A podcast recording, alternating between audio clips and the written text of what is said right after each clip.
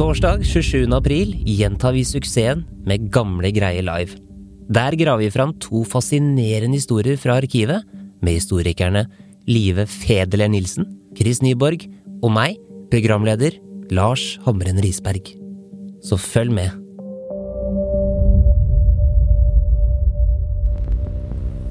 Du hører på gamle greier.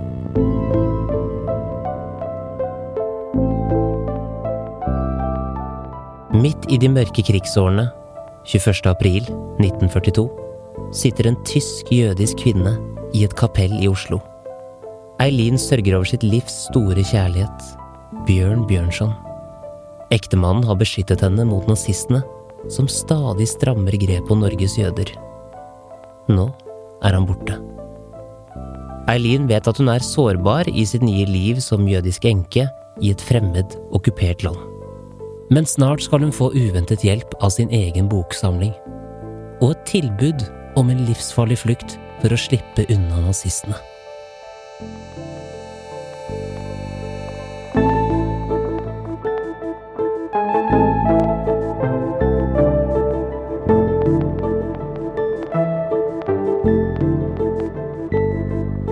Du hører på Gamle greier, en historiepodkast fra Nasjonalbiblioteket. Jeg heter Lars Hamren Risberg.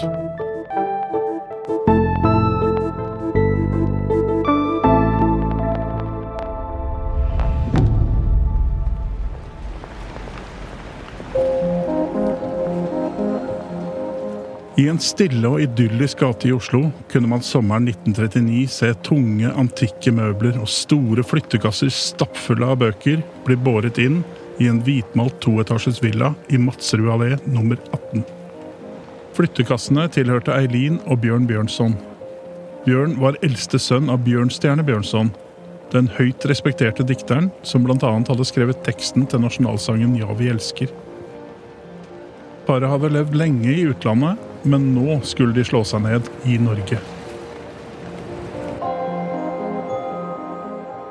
Chris Nyborg, lokalhistoriker på Nasjonalbiblioteket. Det fasjonable paret fant seg raskt til rette i Oslo.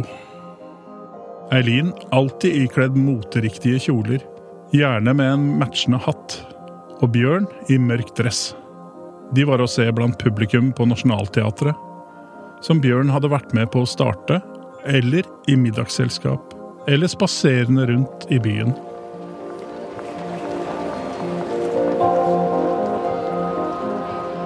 Bjørnson-navnet åpna mange dører. Ekteparet levde et privilegert liv i hovedstaden.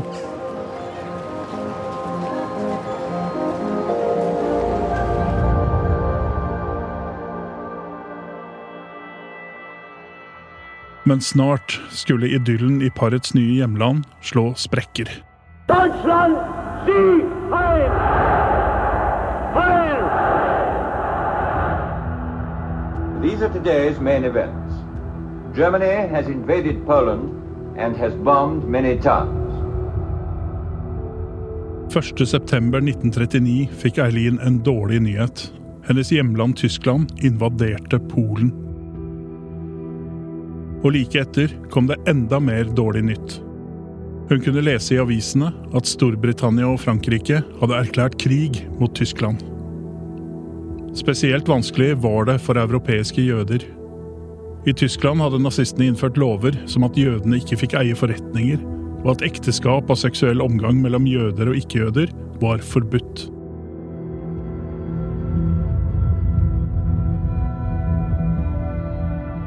Og snart ble det Norges tur. I natt har tyske krigsskip forsert Oslofjord festning under kamp med festningens batterier.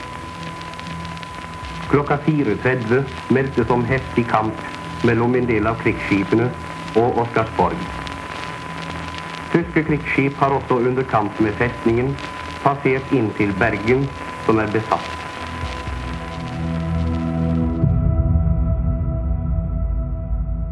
Nazi-Tyskland tok raskt styringa i Norge.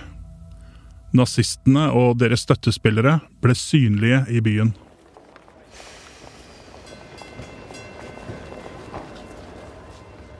I begynnelsen av krigen gikk ekteparet om bord på en stappfull trikk.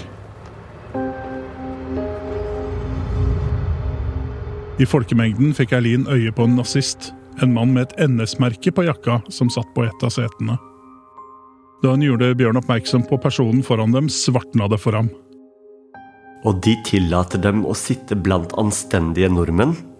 Ut med dem! Bjørn gjorde det klart at han ikke likte nazistene, og viste Eileen at han ikke hadde noen problemer med å sette seg opp mot dem. Han hadde også en kontakt på Victoria terrasse, tyskernes hovedkvarter, i tilfelle de fikk større problemer. Han håpet å verne meg bedre hvis han var i kontakt med dem. Båndet mellom de to hadde vokst seg sterkt gjennom over 30 års ekteskap.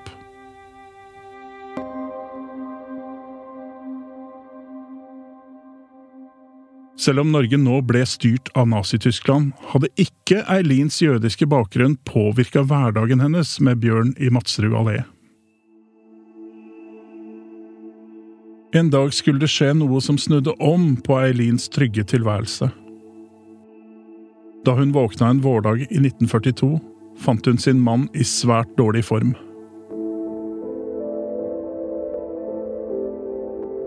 Han var blitt syk på morgenen. Jeg sendte bud etter legen. Legen så mørkt på situasjonen. Like etter døde Bjørn av hjertelammelse.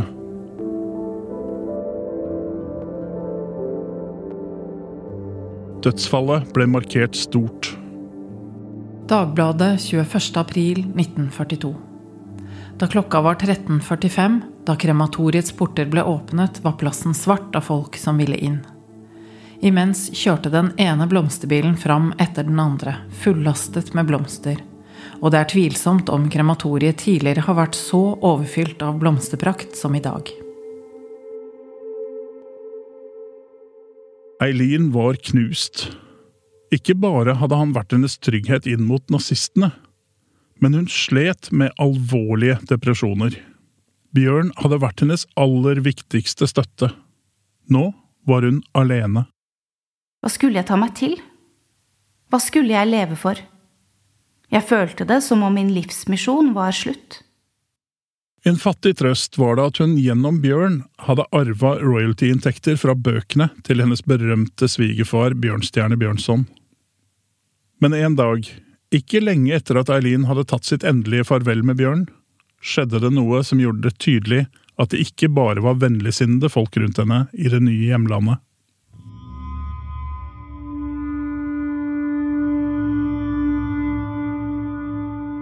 Jødehatet som hadde fått blomstre fritt i Tyskland etter at Hitler kom til makta, hadde spredt seg til Norge og spist seg inn i hennes svigerfamilie. Bjørn hadde hatt en stor søskenflokk. De var seks til sammen, og en av lillebrødrene, Erling, var stortingspolitiker for Bondepartiet. Han var også en ivrig tilhenger av rasehygiene en teori om at mennesker kunne deles inn i raser som kunne rangeres, og ikke minst forbedres ved å hindre folk med såkalte dårlige gener fra å formere seg. Så begeistra var Erling Bjørnson for raseteoriene at han nominerte en tysk rasebiolog som kandidat til Nobels fredspris. Erling var også et aktivt medlem av Nasjonal Samling, det norske nazistpartiet. Bjørnson-familien var splitta i synet på det tyske okkupasjonsregimet. Bjørn tok klar avstand fra nazismen, mens Erling støtta dem helhjerta. Og nå la han en listig plan som ville ramme Eileen, hans jødiske svigerinne. Han syntes ikke det var riktig at jødiske Eileen skulle arve hans far, Bjørnstjerne Bjørnson, Klare regler var på plass i loven, men Erling ville se om det kunne bli gjort et unntak. I mai 1942, bare en måned etter Sørgøy-tiden, satte Erling Bjørnson seg ned og skrev et brev til en av Norges mektigste menn, nazist og justisminister Sverre Risnes, i et privat ærend. Erling skulle til Oslo og ba om et møte med justisministeren, noe Risnes sa ja til.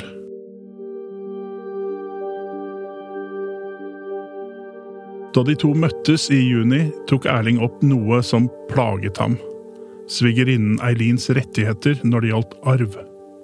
Justisminister Sverre Risnes var en glødende nazist som jobba med å lage antijødiske lover. Da dette brevet kom, var han allerede i gang med å utarbeide en lov som ville gjøre mulig for staten å frata jøder eiendom etter modell fra Tyskland. Så da justisministeren fikk høre hva Erling ville, var han vennlig innstilt. Og like etter skrev han et brev til politimesteren i Oslo, Jonas Lie, også en kjent nazist. Du vil se at jødinnen Eileen Kohn som enke har juridisk rett til en del av hva Bjørnstjerne Bjørnsons åndsverker utbringer. For min del syns jeg at det anstendigvis ikke går an at en jødinne profitterer av vår store nasjonale og germanske dikterhøvdingsverk.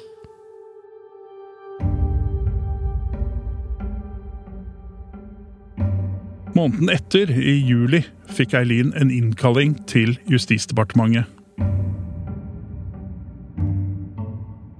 Da hun møtte opp, ble hun vist rett inn på byråsjef Reinhold Breiens kontor.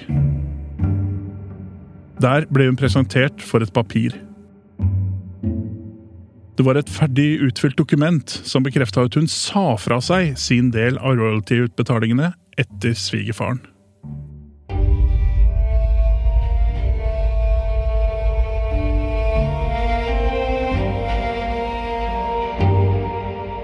Det ble gjort klart at det var veldig upassende at hun som ikke var arisk, skulle ha krav på penger etter nasjonalikonet Bjørnstjerne Bjørnson. Byråsjefen insisterte på at Eileen skulle skrive under.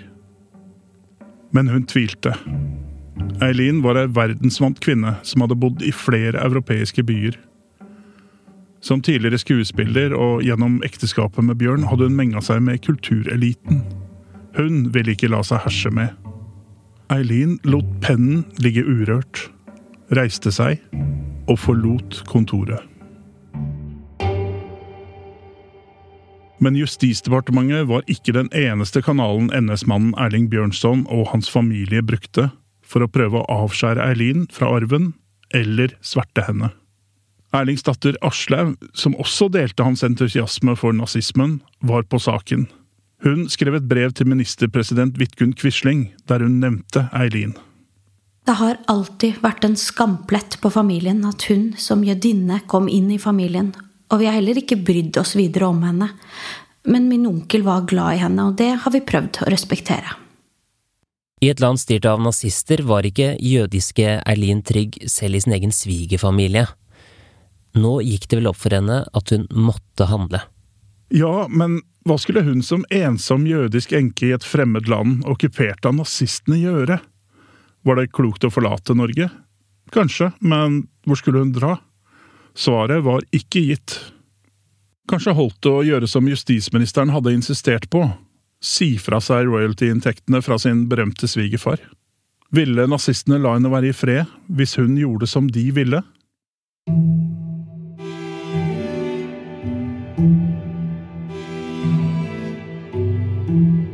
I august 1942 ga Eileen etter for presset.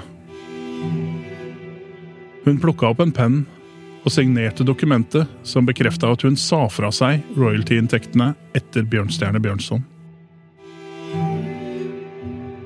Og med det kunne hun trekke seg tilbake til villaen i Madsrud allé og håpe på å få være i fred. Og alene var hun, for hun følte seg nok ikke lenger like velkommen hos den store søskenflokken til Bjørn. Meg har Bjørns søsken aldri forstått. De var nok snille, men de kunne være oppfarende og sterke. Tyskerne hadde klare planer for Europas jøder. På Wannsee-konferansen som ble holdt utafor Berlin tidligere på året, hadde toppnazister blitt enige om en såkalt endelig løsning. Jødene skulle myrdes.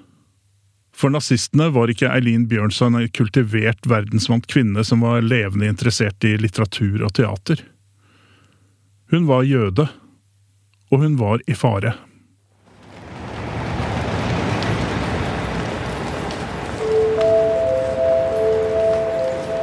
En stund etter affæren med royalty-utbetalingene etter svigerfaren banka det på Eileens dør.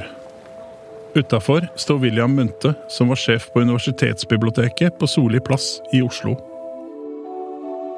Det korte håret var gredd i en ryddig sideskill, og jobbantrekket var en elegant dress. Nå var han kommet for å se på ekteparets boksamling. Eileen og Bjørn hadde testamentert bøker, privatarkiv og innbo til universitetsbiblioteket. Slik også mange andre kulturpersonligheter hadde gjort. Avtalen var at alt dette skulle overtas av biblioteket når Eileen selv ønska det, eller etter at hun var gått bort. Eileen var enig i at Wilhelm kunne sette i gang arbeidet med å få full oversikt over samlinga. Og i ukene som gikk, fikk hun flere besøk av biblioteksjefen.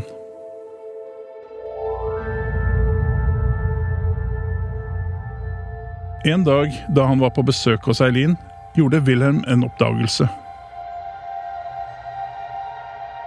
Da han løfta en av bøkene ut av bokhylla og begynte å bla i den, oppdaga han noe helt spesielt.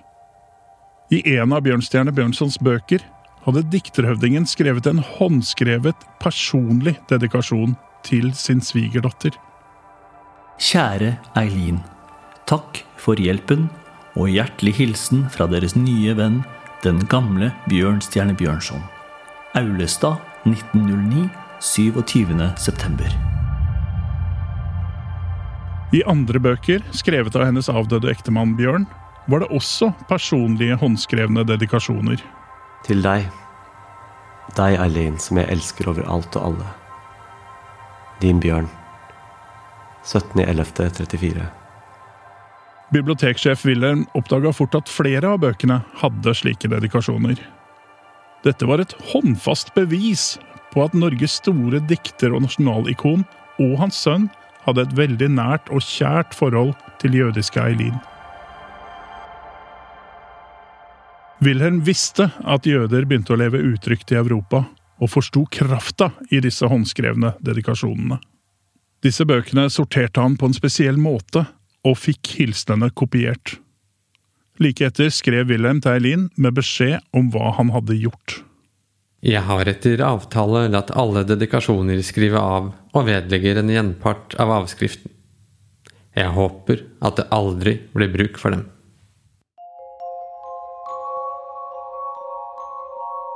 Høsten kom til Oslo. Bladene på trærne skifta farge og ble ildrøde. Situasjonen ble stadig verre for jøder i landet, også Eileen. 26. oktober 1942 ble en mørk dag for jødene på Østlandet. Politiet gikk til en stor aksjon og arresterte jødiske menn over 15 år. Samme dag trådte en ny, brutal lov i kraft. Eiendom som tilhørte jøder i Norge, skulle bli konfiskert av naziregimet.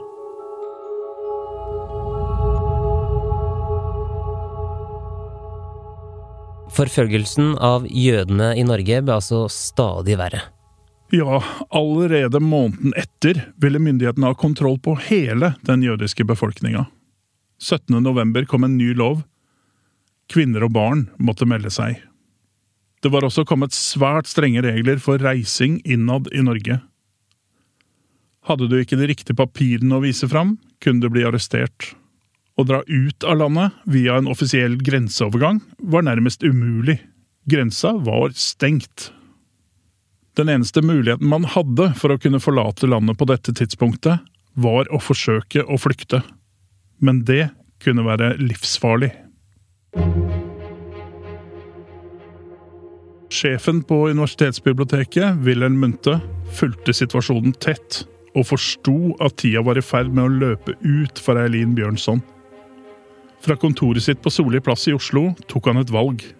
Han skulle gjøre det han kunne for å hjelpe henne.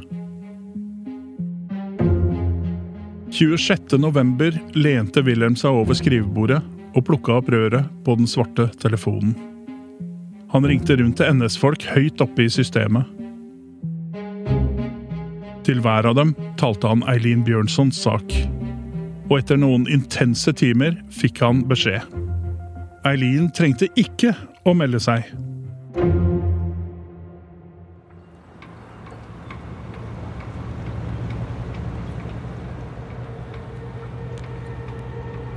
Samme dag gled skipet Donau ut fra havna i Oslo. Om bord var 532 jøder. Den endelige destinasjonen var dødsleiren Auschwitz i det okkuperte Polen.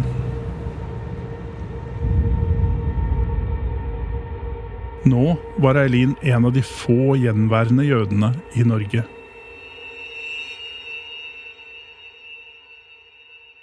Hun hadde unnsluppet nazistene én gang.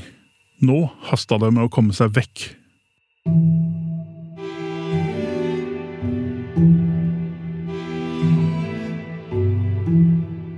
Eileen snakka med venner i kulturmiljøet, og de var desperate. Jødene var ikke de eneste som kjente på nazistenes brutale regler og påbud. En gruppe på rundt 20 kunstnere og andre kulturfolk skulle flykte sammen til Sverige. Og de gjorde det tydelig at Eileen burde bli med på flukten.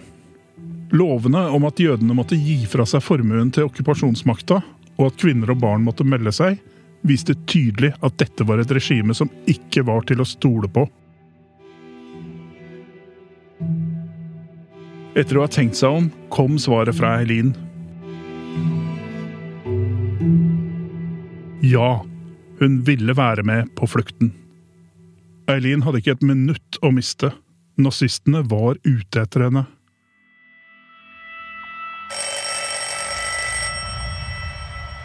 Fjerde desember 1942 ringte telefonen på Wilhelm Munthes kontor.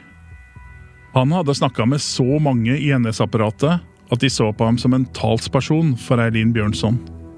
Nå kom en iskald kontrabeskjed. Jødinnen Eileen Bjørnson måtte melde seg. Unntaket hun hadde fått tidligere, gjaldt ikke mer.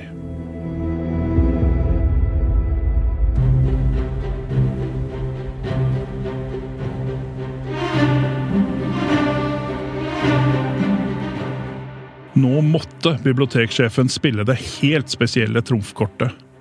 Bøkene som inneholdt personlige dedikasjoner til Eileen fra nasjonalikonet Bjørnstjerne Bjørnson. Og det hjalp ikke å snakke med hvem som helst. Dette måtte helt til topps. Til ministerpresident Vidkun Quislings bord.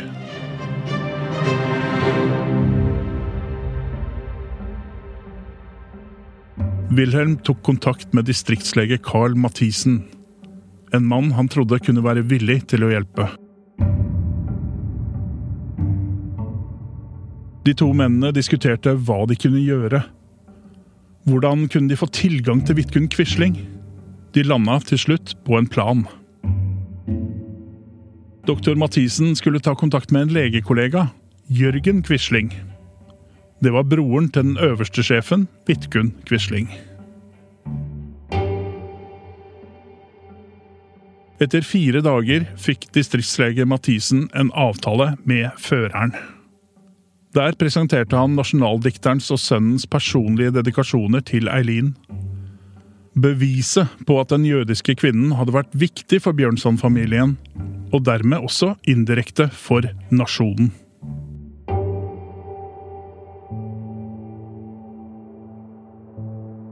Nazilederen leste papirene. Eileens skjebne lå i hans hender, og snart kom konklusjonen. Quisling reagerte raskt og skrev et brev til Innenriksdepartementet.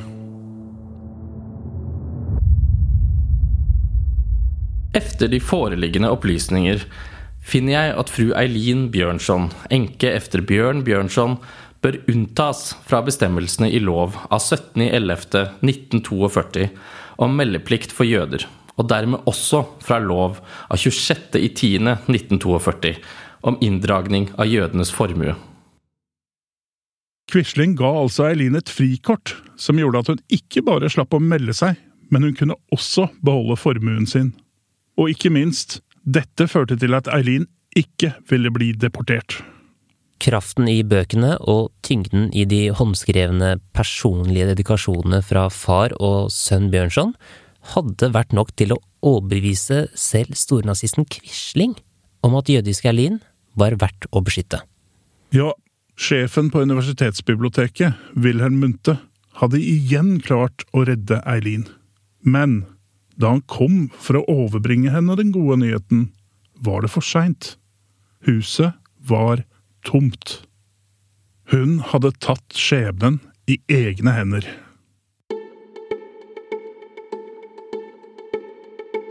Da fluktnatta kom, var Eileen klar. Hun hadde gått gjennom villaen en siste gang og plukka fram det hun ville ha med seg, og pakka det ned i én koffert. Da hun gikk ut døra, etterlot hun huset med alle minnene etter det lange ekteskapet med sin elskede Bjørn. Hun hadde mista alt.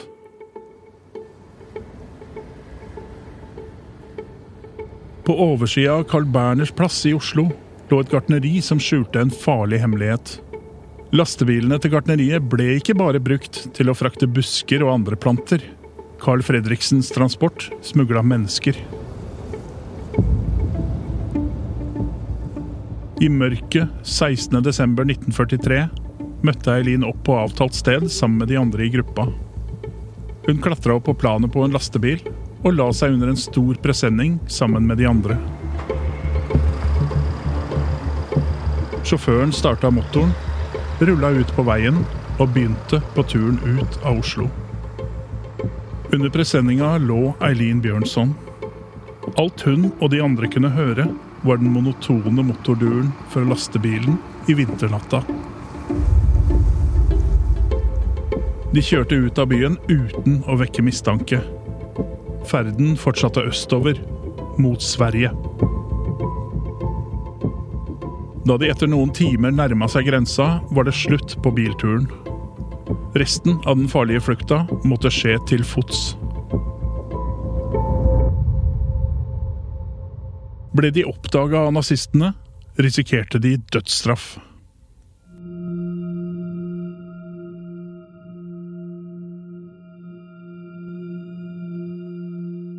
Gruppa ble møtt av en flyktninglos som viste dem veien gjennom den mørke skogen. I den kalde vinternatta gikk Eileen i stillhet sammen med de andre.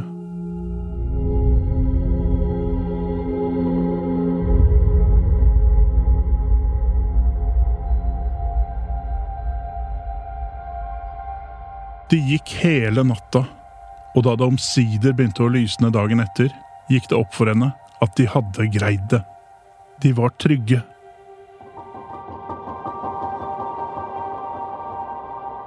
Den 19. desember 1942 registrerte det svenske utlendingsbyrået Eileen Bjørnson som politisk flyktning.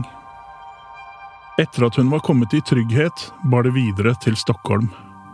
Der ble hun tatt imot av kontakter og venner i det svenske teatermiljøet.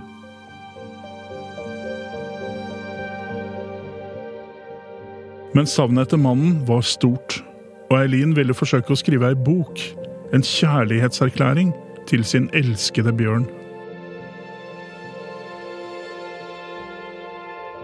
Vi to var ett. Vi to har vært ett i alle de år det ble forunt å leve sammen. Men livet ble ikke bedre selv om hun var trygg. Hennes livs store kjærlighet var borte. Det var ingen som kunne holde henne i hånda slik ektemannen hadde gjort da hun hadde det som verst. Da Eileen Bjørnson var i mål med bokmanuset, fikk det tittelen Boken om Bjørn. Nå var hennes livsverk fullført. I januar 1944 tok hun en overdose med sovemedisin og gjorde slutt på livet.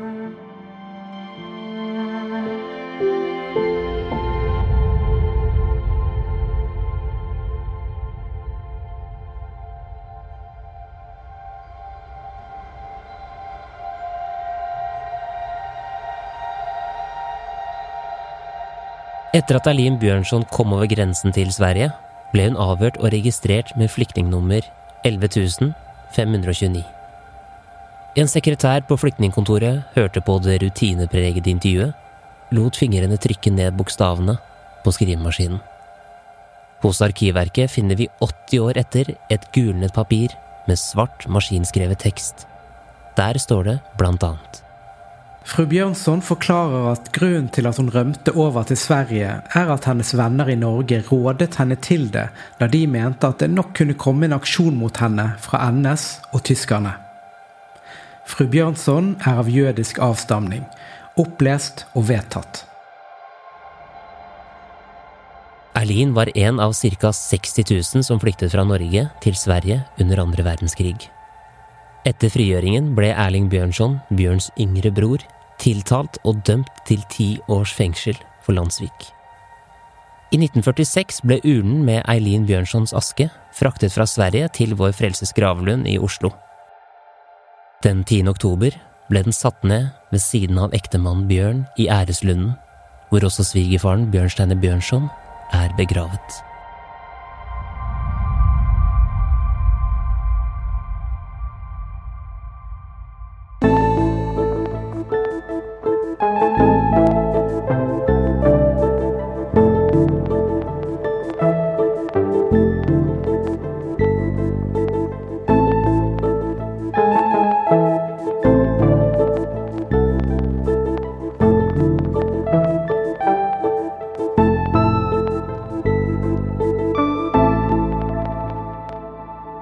En episode av Gamle greier. Denne episoden er laget av Dank Ragna Nordenborg og meg, Lars Hammeren Risberg. Takk til Audun Renolen Aasbø, forskningsbibliotekar ved Nasjonalbiblioteket, for god hjelp og veiledning. Hans pågående arbeid med boka Nazikonfiskert materiell i Nasjonalbiblioteket, en monografi om hvordan vi har identifisert og undersøkt tilvekster som står i et mistenkelig forhold til nazistenes plyndringer har lagt grunnlaget for denne episoden. En stor takk også til jurist og historiker Kristoffer Harper, som raust har delt sin research om Eileen Bjørnson. Andre kilder til episoden var Arkivverkets avhørsrapport av Eileen Bjørnson, boken om Bjørn av Eileen Bjørnson, likvidasjonen av Synne Korell, kronikken Antisemittismen i familien Bjørnson av Kristoffer Harper, artikkelen Aulestads Besværlige arv, Godviljens høvdingsete og nazireir av Marianne Egeland. Og Nasjonalbibliotekets digitale avis- og bildearkiv. Du har hørt lyd fra BBC og NRK. Musikken du har hørt i denne episoden, er fra Epidemic Sound og Therese Aune. Du finner mer av Thereses musikk på thereseaune.com, eller der du strømmer musikk til vanlig. Mitt navn er Lars Hamren Risberg. På gjenhør.